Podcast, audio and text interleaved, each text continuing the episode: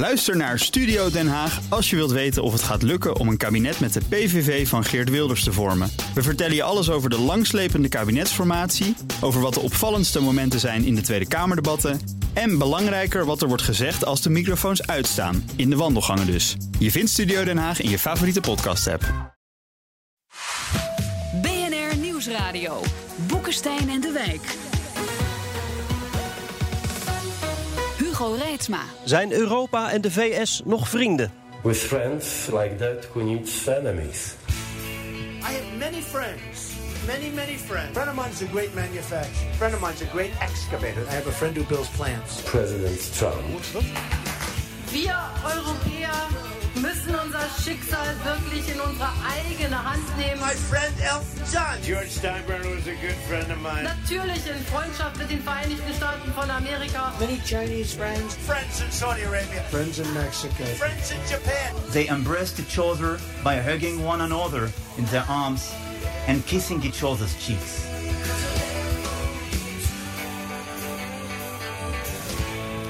Na het klimaatakkoord, het Iran-akkoord en een dreigende handelsoorlog... de vraag, moet Europa niet zijn eigen weg gaan? Op zoek naar de nieuwe wereldorde. Welkom bij Boekenstein en de Wijk. Vanaf het Sharing Europe Festival op de campus Den Haag van de Universiteit Leiden. Hey daar! Met vanzelfsprekend. Hij legt Trump hier altijd rustig uit hoe de wereld in elkaar zit. We noemen hem daarom de Angela Merkel van dit programma, Rob de Wijk. En hij is vanzelfsprekend de Emmanuel Macron van dit programma. Bevlogen, gesoigneerd. En hij zou Trump zo tot inkeer brengen met een dikke knuffel. Arend-Jan Boekenstein. Jongen, jongen, jongen, jongen. Onze gast vertegenwoordigt Nederland op dit Europese festival. Dat maakt hem noodzakelijkerwijs Whalen. Kees Verhoeven van D66.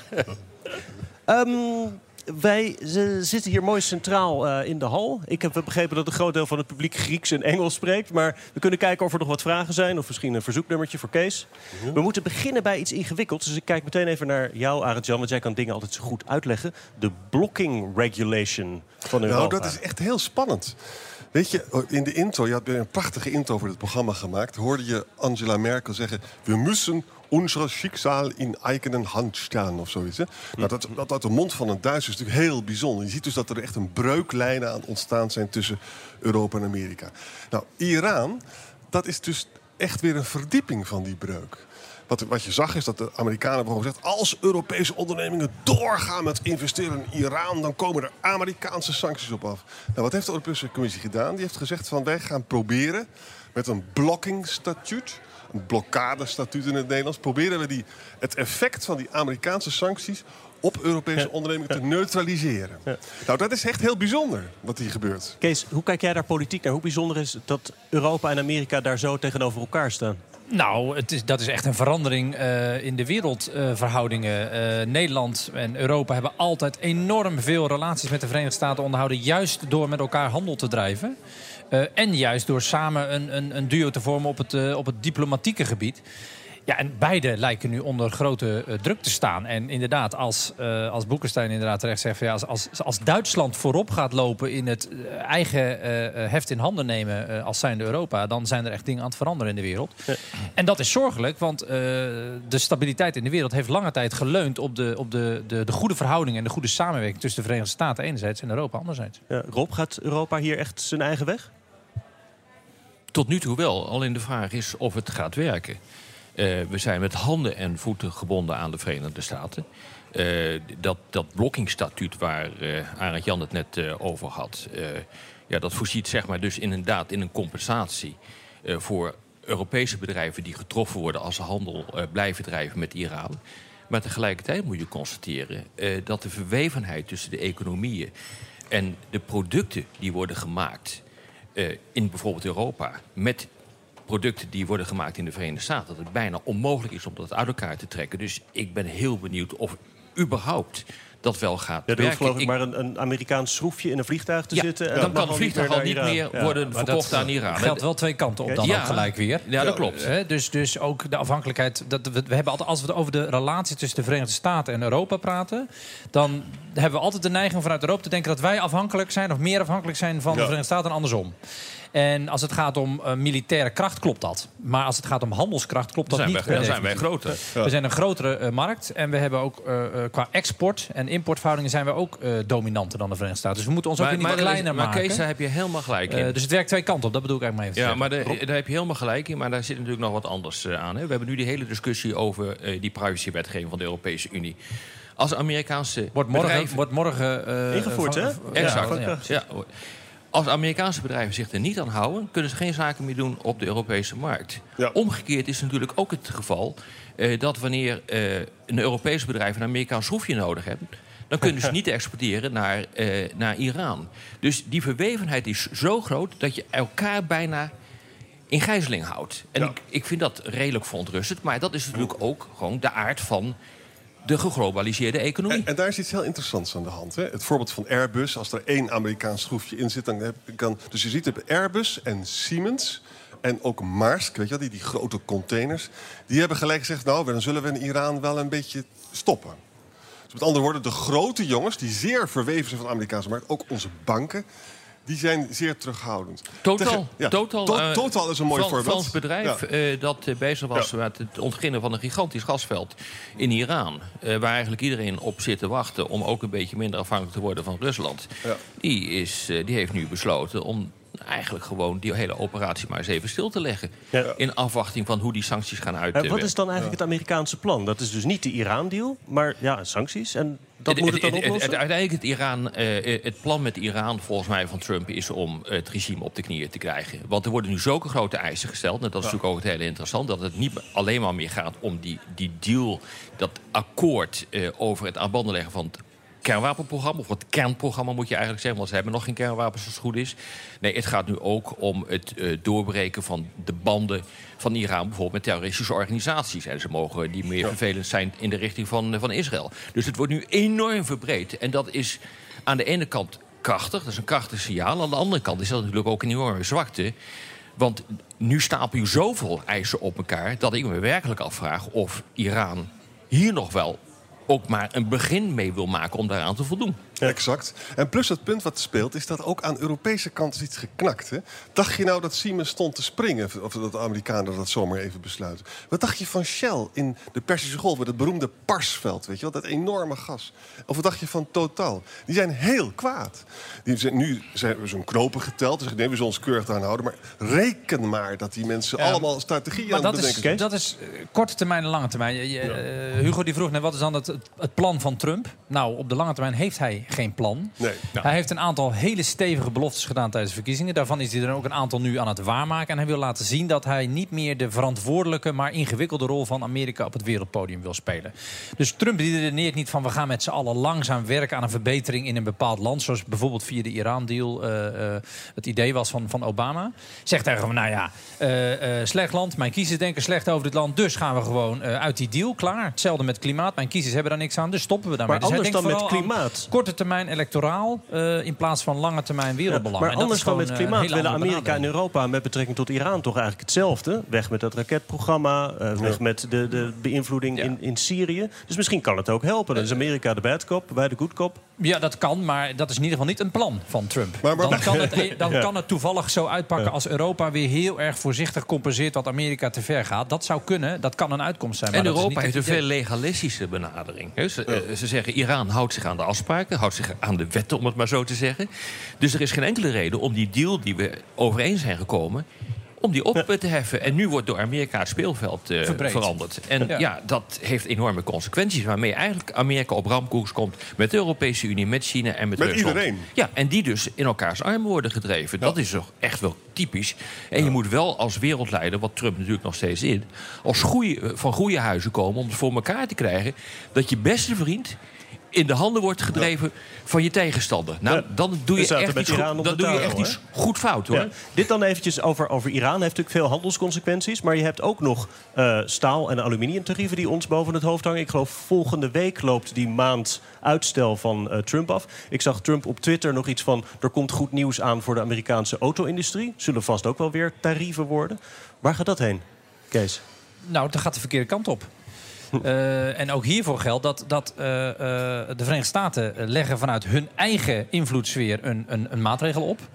Eh, je kunt zelf als land een protectionistische maatregel eh, opleggen, een importheffing. Eh, en de vraag is hoe gaat Europa reageren? En dat moet dus eensgezind zijn. Europa moet nu niet verdeeld gaan reageren. Moet ook niet te veel reageren zoals die bedrijven doen. Die in beginsel zeggen, nou laten we eerst nog maar even naar de Amerikanen gaan luisteren. En dan kijken op de lange termijn. Eigenlijk moet Europa nu eensgezind een heel duidelijk signaal afgeven. Maar we hebben En- toch een en- supranationaal handelspolitiek beleid vanuit de Europese Commissie. Dat werkt wel in Europa. Dat werkt ook wel goed. Ik denk dat op het gebied van eh, de eensgezindheid in Europa het grootste is. En dat we daarom ook de beste kans hebben om daar de Amerikanen echt voor het blok te kunnen zetten. En tot ik nu denk toe dat zegt dat, Europa overal nee op, hè? ja, maar ik vind dat Europa zich op het handelsgebied vrij, eh, vrij zelfbewust opstelt. Ik, je ziet alleen wel dat de verdeeldheid in Europa erin sluit. Op het moment dat het gaat over wat meer geopolitieke zaken. Dat zie je ook bij de manier waarop we Rusland behandelen. Zie je vaak dat de Italianen toch weer anders gaan denken. En die verdeeldeeld, die moet proberen. eh, Maar ook hier, maar ook hier geldt weer hè, met, die, eh, met, die, met die handelsoorlog die dreigt nu met, met de Europese Unie. Is dat Trump het ook weer verbreedt. Net zoals bij die Iran-deal. Hij maakt een koppeling met bijvoorbeeld de verhoging van de defensieuitgaven in, Mhm. in Europa. Ja. Eh, je krijgt eh, geen problemen met ons op handelsgebied. Mits jullie naar 2% van de BBP gaan eh, voor defensie. Ik bedoel, dat mag op zich een goed plan zijn om dat eh, te doen. Maar, en ook nog eens een keer omdat Trump zich zo opstelt... en Amerika een onbetrouwbare bondgenoot begint te worden... is er helemaal wat voor te zeggen om dat te doen. Maar Omdat je tegelijk, het dan zelf maar tegelijk, kan ja, organiseren. Exact. Ja, ja, maar, tegelijkertijd, maar tegelijkertijd eh, vind ik dat soort koppelingen die worden aangebracht... ja, die maken de zaak wel buitengewoon complex. En dat betekent feitelijk dat het gevoel hier begint te ontstaan... dat Trump gewoon de baas wil gaan spelen over Europa. En, dat kan toch en- niet de en nog één bedoeling ding zijn? erbij. Het is, ook niet, het is niet alleen complexer, maar je zou het ook minder betrouwbaar kunnen noemen. Ja. Want als je een probleem met elkaar aan het oplossen bent... en je daar op een bepaald moment een nieuw probleem of een groter probleem bijhaalt... met als resultaat dat het, dat het probleem dus niet opgelost wordt, maar groter wordt... dan denk ik niet dat je je eh, meegaand en, en, Kees, en, je- constructief opstelt. Ik ben het met je eens, maar voor het programma ga ik deze man even steunen nu. En deze man is dan Trump. Deze man heet Een Trump. bordkartonnen Trump staat hier En eh, hij, ook aan tafel. en hij probeert dus vanuit een positie van kracht te opereren. Hè? Hij zegt gewoon keihard tegen Europa van... luister eens, ik ga jullie handelspolitiek afknijpen... als er geen hogere defensieuitgaven komen. Daar zit wat in. Twee, hij wil met China wil hij dus een betere trade deal krijgen. Nou, dat, dat gaat wel of niet. Als het wel lukt, is het bijzonder. Over Iran-deal vond hij niet goed. Misschien komt hier uit voort nieuwe onderhandeling met een betere deal. Dus ik ben het met Rob eens. Hij doet het op alle terreinen. Hij heeft iedereen nu als vijand.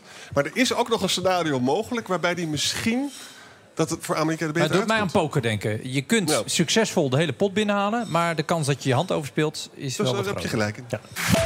De knuffels van Macron hebben tot nu toe nog niet geholpen bij Trump. Straks de vraag, hoe zou Arjan dat aanpakken? BNR Nieuwsradio.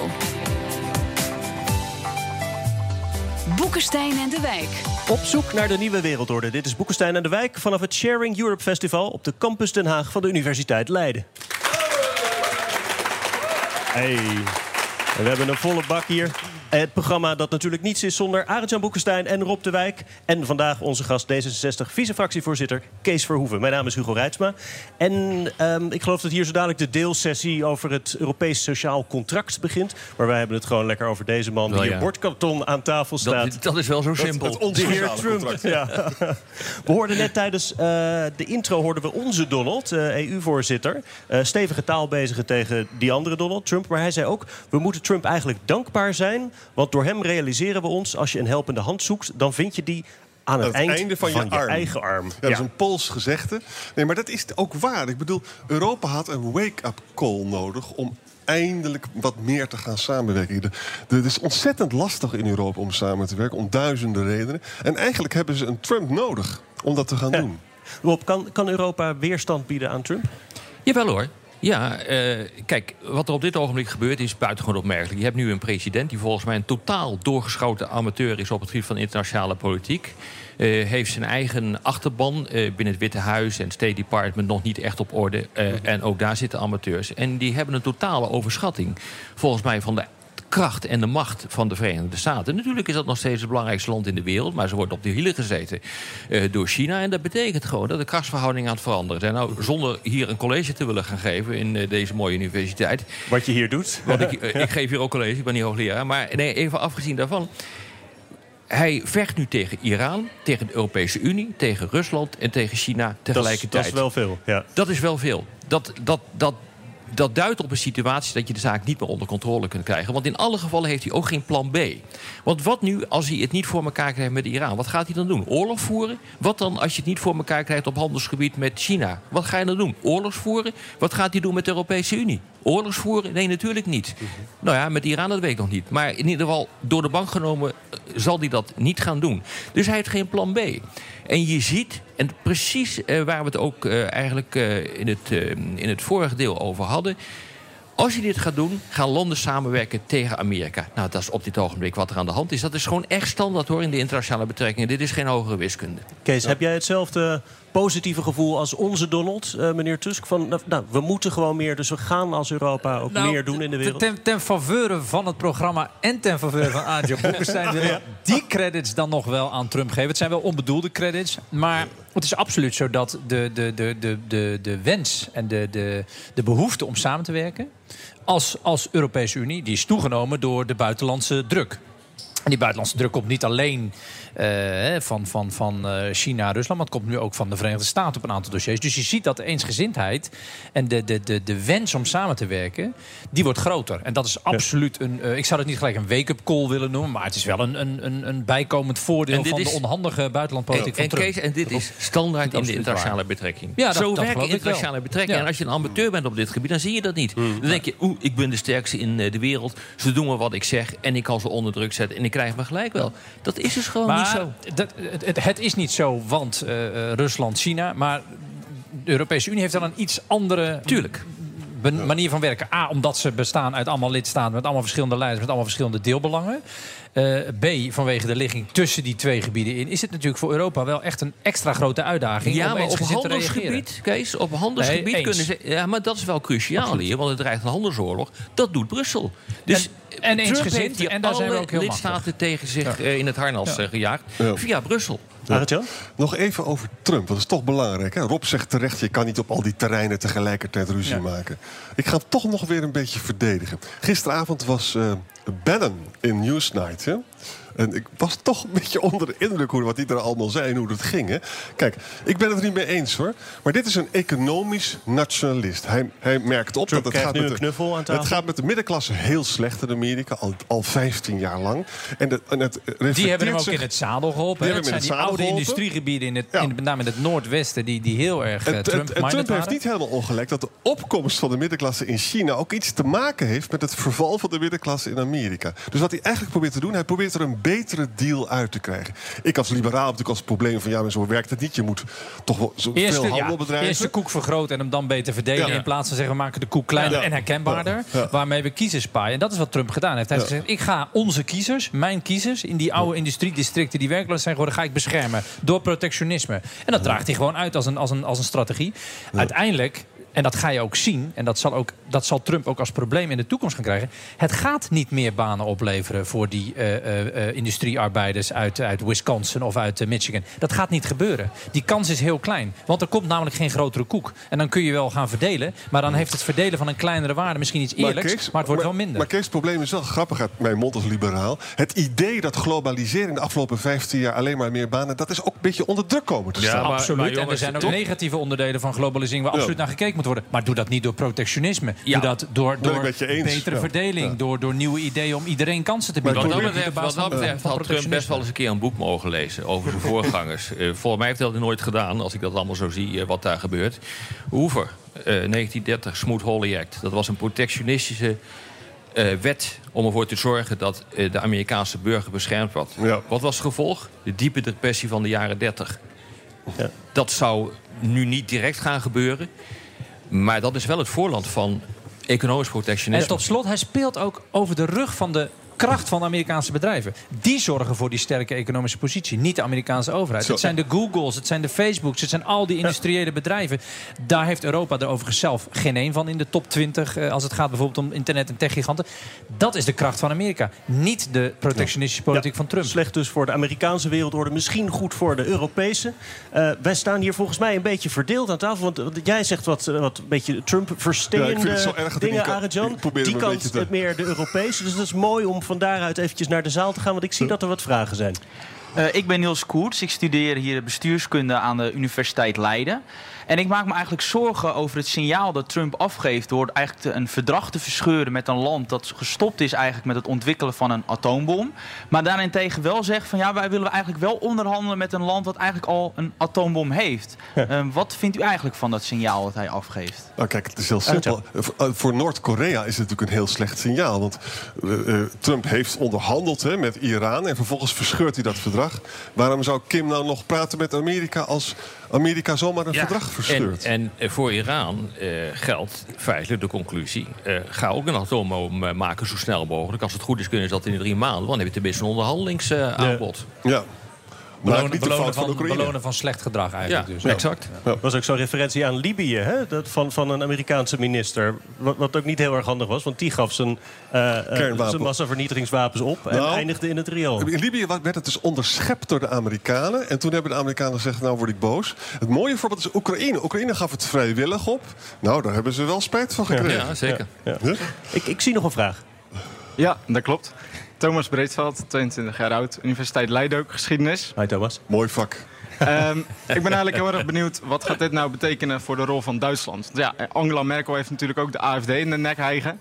Dus ja, gaat hij wel echt die leidende rol op zich nemen die misschien wel past bij Duitsland? Dat is een ontzettend goede vraag. En eh, even heel kort een aantal dingen. Angela Merkel heeft electoraal niet zo goed gescoord hè, de laatste keer. En je ziet dus nu ook dat ze wat stiller is geworden. Daar interessant genoeg de lijn Rutte-Macron sterker is geworden. En interessant genoeg is ook de deal tussen Macron en Merkel over de euro is wat moeilijker geworden. Met name ook trouwens door het gedrag van Italië. Wij hopen nog steeds dat Duitsland eh, zelfbewuster gaat worden, want dat land moet het gaan doen. Maar je ziet, omdat ze het electoraal niet zo goed doet, is dat eigenlijk de Frans-Duitse as weer belangrijker wordt.